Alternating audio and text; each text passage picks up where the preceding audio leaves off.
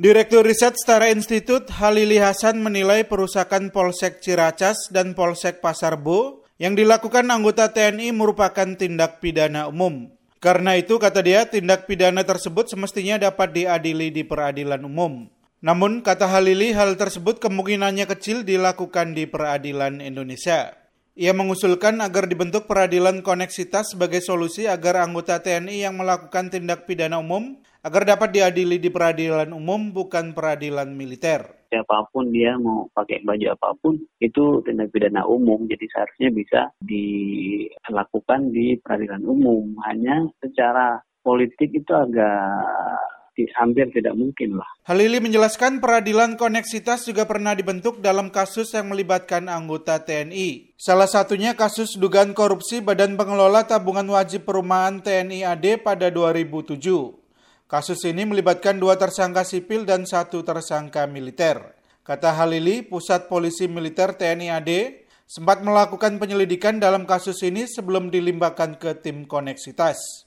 Ketua Setara Institut Hendardi menambahkan peradilan koneksitas diatur dalam pasal 89 hingga 94 Kitab Undang-Undang Hukum Acara Pidana atau KUHAP. Pasal tersebut memuat sejumlah ketentuan mengenai peradilan koneksitas, antara lain soal pembentukan tim koneksitas dan penentuan peradilan militer atau peradilan umum yang akan menangani kasus. Dalam pasal 89 KUHAP dijelaskan peradilan koneksitas untuk mengadili tindak pidana yang dilakukan bersama-sama oleh pelaku yang termasuk lingkungan peradilan umum dan lingkungan peradilan militer. Penyidikan perkara tersebut dilakukan oleh tim yang terdiri dari penyidik polisi militer, pejabat polisi atau PNS yang berwenang. Tim ini dibentuk dengan surat keputusan bersama Menteri Pertahanan dan Menteri Kehakiman.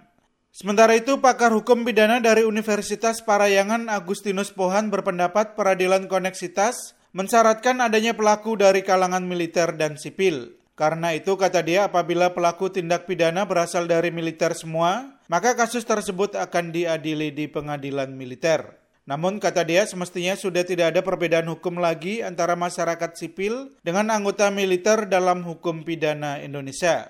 Ia berpendapat semua orang yang melakukan tindak pidana umum dapat diadili di peradilan umum, sementara untuk peradilan militer hanya mengadili kasus militer seperti desersi atau pengingkaran tugas. Kalau di swasta, di sersi kan ya udah dianggapnya bolos kerja aja kan. Kalau di tentara kan itu tindak pidana ya. Nah, kalau ada disersi, di mana pengadilan militer? Agustinus menambahkan ketentuan soal militer tunduk pada peradilan pidana umum dijelaskan dalam pasal 65 Undang-Undang Nomor 34 Tahun 2004 tentang TNI. Hanya kata dia belum ada ketentuan pelaksana yang menjelaskan pasal 65 Undang-Undang TNI tersebut. VOA sudah berusaha menghubungi sejumlah pejabat TNI, namun hingga berita ini diturunkan belum ada tanggapan dari mereka terkait usulan peradilan koneksitas. Polsek Ciracas dan Polsek Pasar Bo di Jakarta Timur diserang dan dirusak anggota TNI pada Sabtu 29 Agustus dini hari. TNI telah memeriksa 12 anggota TNI, tiga di antaranya mengaku sebagai pelaku perusakan.